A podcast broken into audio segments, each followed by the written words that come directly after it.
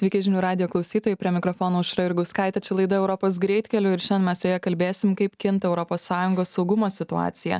Tokia tema kalbėsim rusijos karui ukrainoje įžengus į trečiuosius metus ir prancūzijos prezidentui emanueliui makronui neatmetant karių siuntimo į ukrainą galimybės. Švedijai priartėjus prie nato svarstant apie gynybos eurokomisaro portfelio įsteigimą bei bręstant naujam neramumų židiniui europoje separatistiniam moldovos regionui padniestrei prašant rusijos kabutėse apsaugos mūsų laidoje dalyvauja užsienio reikalų ministro patarėjas laurynas jonavičius sveiki laba diena taip pat europos komisijos atstovybės lietuvoje vadovas marius vaščega sveiki Sveiki. Ir generolo Jono Žemaičio Lietuvos karo akademijos profesorius daktaras Giedrius Česnakas. Sveiki. Ar girdit mus? Kol kas e, mes negirdime pono Česnako, bet galbūt dar e, pasitvarkys ryšys. Ir, Taip, sveiki. O, sveiki. Taip, tai ponia Janavičiau, nuo jūsų pradedant, galbūt ir atsispirant nuo to, ką kalbėjo Prancūzijos prezidentas Emanuelis Makronas, e, jisai sakė, kad esame įsitikinę, kad Rusijos pralaimėjimas yra būtinas saugumui ir stabilumui Europoje ir vėlgi tas netmetimas karių siuntimo, paskui aišku buvo įvairių tikslinimų iš įvairių pusių, kad čia nėra į kovinius veiksmus karių siuntimas, galbūt mokymo misijoms ir panašiai, bet vis tik koks būtų na, Lietuvos požiūris, pozicija tokiu klausimu? Na, Lietuvos pozicija jau seniai išsakoma visais lygiais yra ta, kad reikia ruoštis rimtai atremti Rusijos grėsmę, ne tik Ukrainoje. Ir vienas dalykas, reikia padėti Ukrainai laimėti ir laimėti pilnai laimėti, ne ten taiką kažkokią pasiekti, kuri būtų tik uždėlsimas, e, o atstatyti teritorinį integralumą, užtikrinti atskaitomybę Rusijos nusikaltelių karo ir visus, visus kitus dalykus. Plus e, ruoštis e, būti saug, apsiginantiems, kaip čia pasakyti, tuo atveju jeigu rusija pultų. Čia skamba gal fantasmagoriškai prieš kelis metus nieks visiškai tuo netikėjo šiandien vis daugiau politikų europoje ir ir ne tik europoje supranta kad tai yra realus dalykas ypač jeigu ukrainoje rusija nebus sustabdyta.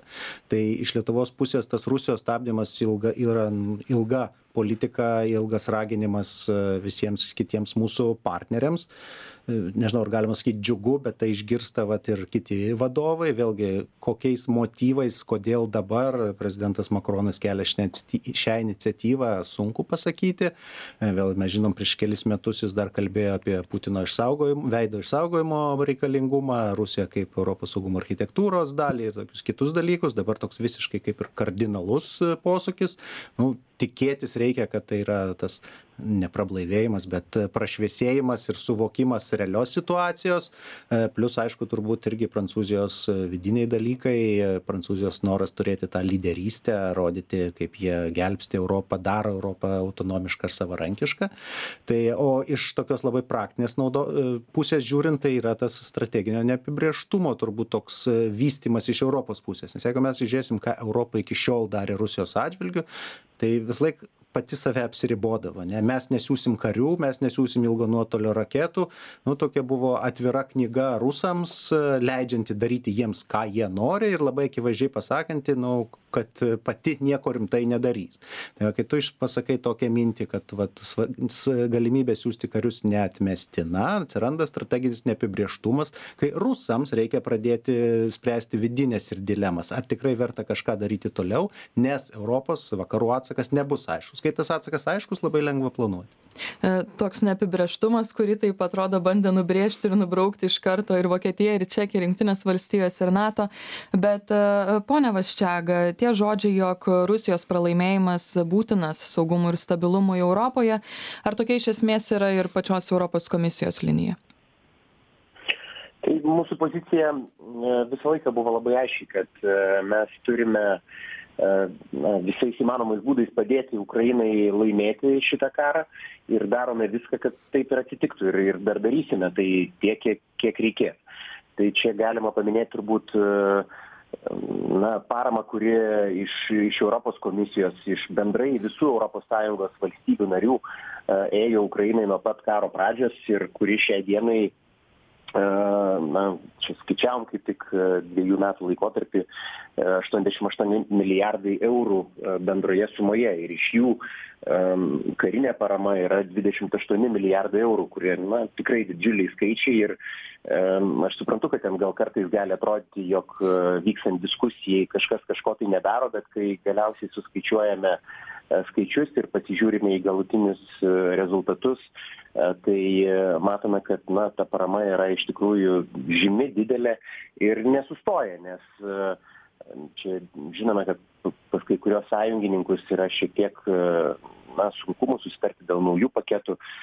Mums europos sąjungoje pavyko pasiekti tą susitarimą jau vasario pirmą dieną dėl penkiasdešimties milijardų eurų paramos ukrainai kad ji turėtų nuspėjamumą ir į ateitį o ne vien tiktai kažkaip tai kiekvieną sykį kai prireikia kreiptųsi lauktų ir panašiai. Tai dabar tas nuspėjamumas atsiranda. Mes ir lygiai taip pat na apmokome valstybėse narėse apmokome ukrainos karius jau virš keturiasdešimties tūkstančių yra apmokyta ukrainos karių.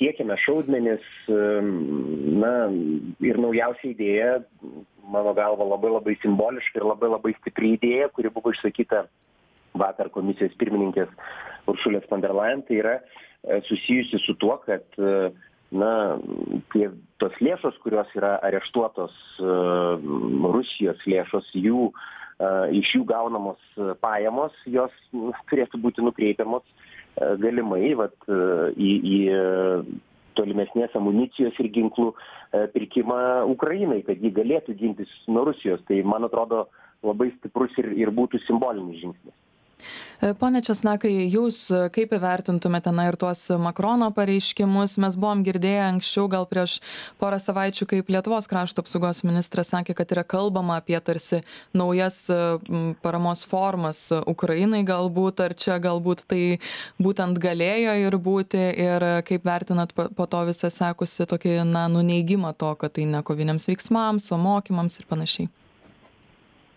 tai visas tas pareiškimas prancūzijos man kiek na sakyčiau stebina pats pats formatas surinkimas lyderių vėl pasitarti ką daryti.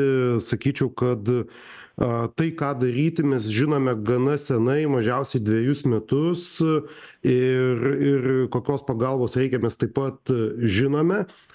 Pirmiausia tai yra ginkluotė nuo artilerijos sviedinių iki artilerijos sistemų to tolimo nuotolio sistemų bet kokios karinės paramos neatidėliotinai kaip galima greičiau naikintuvai siunčiami jau beveik dvejus metus ir veikiausiai gal tikimės vasarą pamatyti. Tai ar tikrai yra sakykim vietos ir laiko svarstyti naujom paramos formom kai a iš esmės esamos par paramos formos nėra visiškai išnaudojamos ir jeigu tos formos būtų pilnai visiškai išnaudojamos be apribojimų pavyzdžiui smogti kažkur į rusijos teritoriją nes tai yra kariaujančios šalies teritorija tai manau kad ir ukrainos a padėtis fronte būtų kiek kita bet čia aš visada vertinu analizuodamas prancūziją iš iš kitos perspektyvos. Prancūzija visada bando a sakykim save pozicionuoti kaip didžiąją europos žaidėją ir ypač prezidentas emanuelis makronas yra žymus įvairių iniciatyvų iniciatorius tačiau tos iniciatyvos na ne visada sėkmingai baigiasi ar ar išvirsta realiais darbais pradedant nuo europos strateginės autonomijos iki įvairių kitų.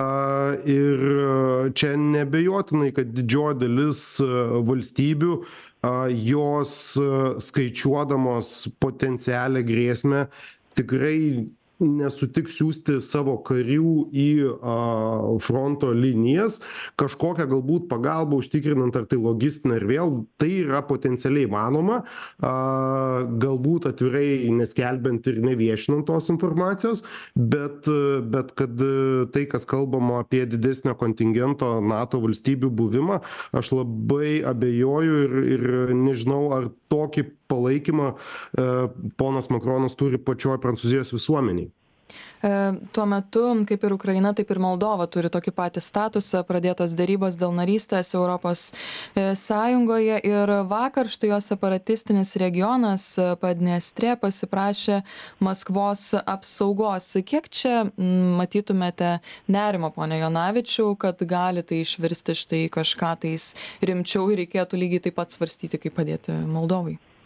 Nu čia irgi keistesnis gal toks e, atvejis bet šiaip žiūrint visiškai geografiškai tai kur yra padniestrė nelabai įsivaizduoju kaip ta apsauga iš rusijos galėtų praktiškai atrodyti nei tu ten labai privažiuosi nei atvyksi į tą padniestrę iš rusijos.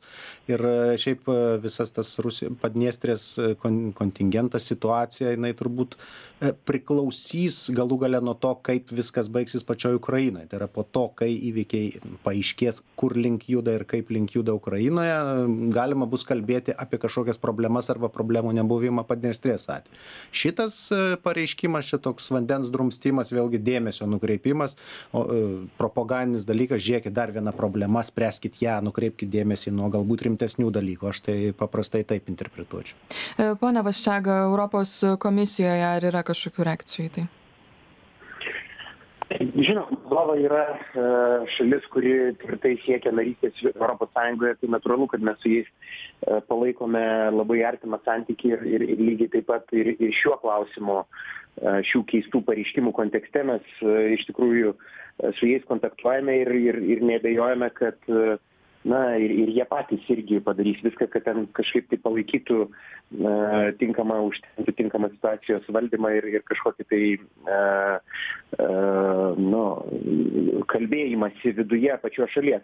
Mes kaip europos sąjunga be jokios abejonės gerbiame moldovos teritorinį vientisumą gerbiame jos na nepriklausomybę ir manome kad na toks regiono stabilumas E, jis yra interesas didžiulis interesas e, žmonių tiek e, tiek vienoje dniepro pusėje gyvenančių tiek kitoje dniepro pusėje gyvenančių. Tai čia toks iš mūsų. Bet šiai dienai iš tikrųjų pakankamai naujas pareiškimas ir ir labai aktyviai konsultuojamės su su su moldova. E, pone česnakai na o jūsų vertinimu štai ponas jonavičius sako kad tai na yra ir propagandiniai pareiškimai tą ir pati moldova yra taip atmetusi šitą e, kreipimąsi o jūsų vertinimu ar tai gali iš esmės kažką išvirsti rimčiau? Aš sakyčiau kad išvirsti rimčiau esant dabartinei situacijai yra ganėtinai sudėtinga. Aš pajuokausiu kad rusija gali priimti tą kreipimąsi ir deklaruoti kad pradės laikyti Uždniestrę savo teritorijos dalimi ar ne nes anot vladimiro putino rusija juk niekur nesibaigia ar ne tai čia tada kyla klausimas ką mes laikome suverenitetu ir ir tada bet kuri a visuomenės grupė gali deklaruoti kad ji yra rusijos a federacijos kabutėse dalis. Ir ir čia gal bandymas toks atverti potencialias žaizdas aš manau ne tiek moldovoje bet ir kitose teritorijose kur koncentruotai pakankamai gyvena didelis rusakalbių skaičius ar ar na dar nuo sovietų sąjungos griūties tai potencialiai yra tam tikra galbūt grėsmė latvijai estijai kur yra narvos regionas daugpilis ar ne kad jūs irgi prašau galit deklaruoti prisi kad norit prisijungti prie rusijos nes nes o tada čia va toks politinis ir sakyčiau sakyčiau pilkosios zonos ar ne žaidimas kuris kažkada gali būti aktyvuotas ar gali būti ir neaktyvuotas. Rusija tiesiog didina savo savo galimybes veikti pilkosiose zonose šantažuoti tas valstybes ir ir to tų valstybių partneres tai bet tai yra tam tikra grėsmė ne tik moldovai. E, išties Rusija jau grasina ir Švedijai, kuri pagaliau gavo e, Vengrijos parlamente ratifikavimo e, procedūrą dėl savo narystės NATO, tad į šį klausimą galbūt pereinant vis tik tai yra ES valstybės svarbi mūsų partneriai ir visi nuolat kalbam, kad tai tikrai sustiprins štai Europos saugumą. Pone Jonavičiau, kaip būtent tai padarys? Pavers Baltijos jūrą vidinę paverčia nato jūrą kas geografiškai geostrategiškai yra svarbu ir reikalinga stiprinant ir gilinant tą strateginį gylį rytinio šiaurinio nato flango. Vienas labai svarbus dalykas. Antras dalykas būdama neutrali valstybė daugelį metų neutralios valstybės turi turėti didelius karinius pajėgumus karinę pramonę sistemas valdymo kaip gintis užpuolimo atveju. Todėl švedija yra papildomas saugumo donoras ateinantis į nato kuris turi pajėgumų gebėjimų ir tą karinę pramonę stiprinti visos nato bendrus pajėgumus. Tas yra labai labai svarbu. Aišku simbolizmo reikšmė labai didelė tiek suomija tiek švedija n metų buvusios neutraliomis valstybėmis rusijos grėsmės akivaizdoje stoja į nato kas reiškia kad vėlgi nu susitelkimas kolektyvinis kitoj rusijos pusės sienoj didėja ir stiprėja. Tai čia tokie labai bendri labai aiškūs ir akivaizdūs tie pliusai sakysim kuriuos švedijos narystė suteikia nato Pone Vaščega, reikia čia dabar tikėtis didesnio Švedijos įsitraukimo ir ES lygyje sprendimuose susijusiuose su gynybos pramonė ir panašiai. Tai Švedija visuomet dalyvavo pilnai sprendimuose susijusiuose su gynybos klausimais. Danija kažkada tai turėjo tokį, na, kaip išimti šiems dalykams, bet ir jis buvo, ir, ir ta išimtis irgi buvo panaikinta, o Švedija nuolat dalyvavo. Bet aš gal tik tai pantrindamas Laurinui pasakyčiau, kad be jokios abejonės jos buvimas taip pat ir pilnumoje NATO formate, jis na prideda saugumo ir ir ir ir jis parodo kad iš tikrųjų visi labai aiškiai žiūrim ta pačia kryptimi lygiai taip pat rengiant ir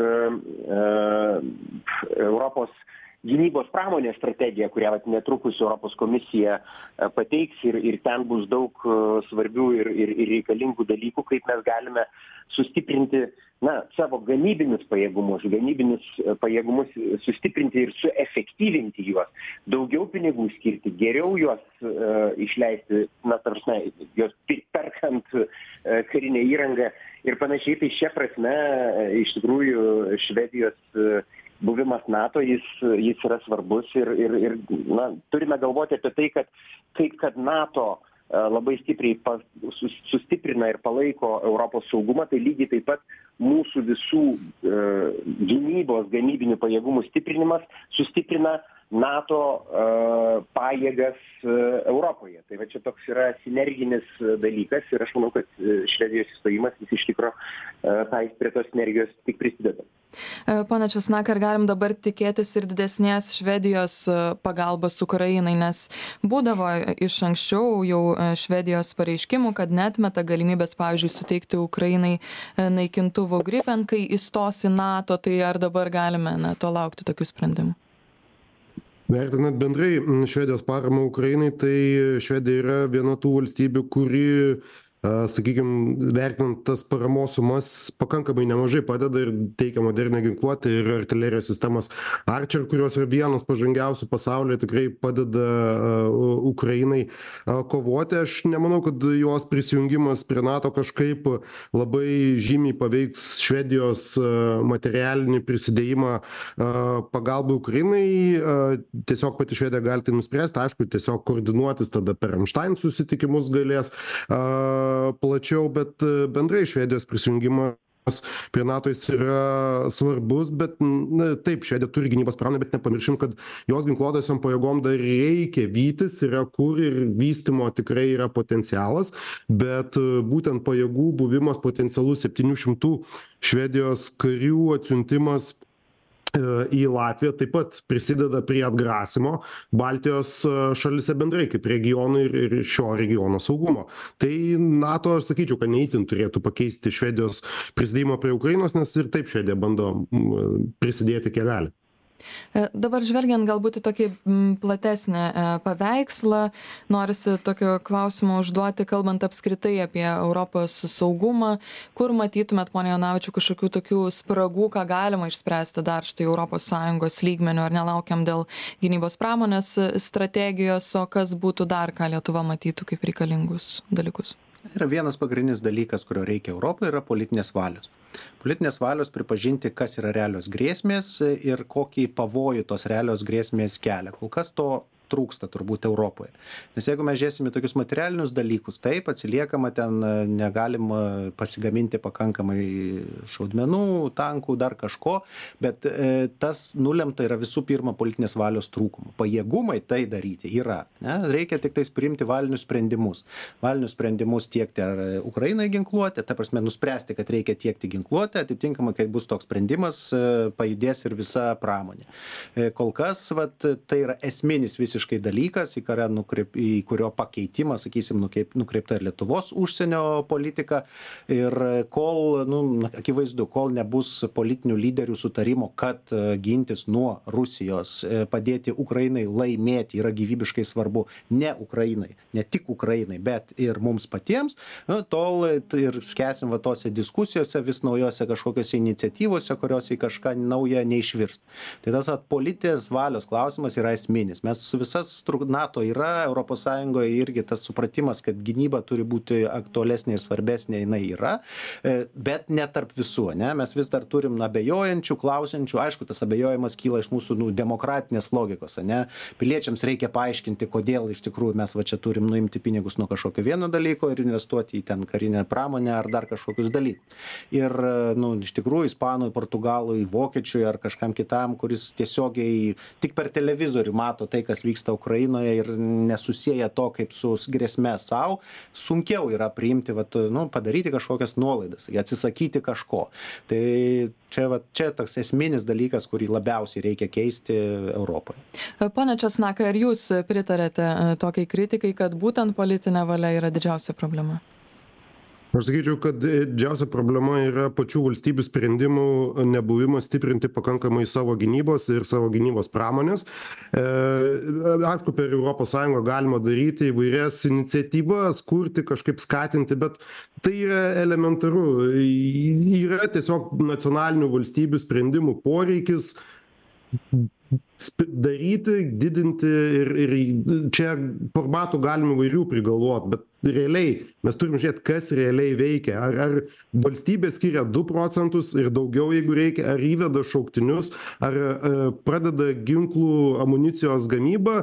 Jeigu ne tai tada visi kitie tie formatai įvairūs yra iniciatyvų nemažai europos sąjungoj tai jie yra na beverčiai pinigų biurokratinis toks įsisavinimas bet bet kiek jie duoda pridėtinės naudos tampa sunku pasakyt E, pone Vaščiaga, mūsų laikas visiškai išseko, bet e, proga Jums atsakyti, ar įmanoma Europos komisijai pūsti tos politinės valios Europos lyderiams? Aš manau, kad įmanoma ir iš tikrųjų e, pokytis vyksta. Aš manau, kad su pasiūlytais naujais pasiūlymais dėl gynybos pramonės mes žengsim dar vieną stiprų žingsnį, labai konkrečius dalykus susijusius ir su pirkimais bendrais ir ir ir efektyvesniu valdymu gynybos pramonės ir ir ir netgi patys pasiūlymai atėję iš iš komisijos pirmininkės dėl gynybos komisaro. Na čia vėlgi bus labiau susiję su gynybos pramone bet dėl gynybos komisaro atsiradimo jie aš manau visi labai aiškiai rodo kad saugumas privalo būti didžiuliu didžiuliu ir taip pat ir sekančios komisijos fokusu. Tai aš manau kad E, palaikykime kaip tik e, na daugiau tokios ugnies šiai temai ir ir ir tada ir tada iš tikrųjų pasieksime didžiulius rezultatus ir reikšmingus rezultatus.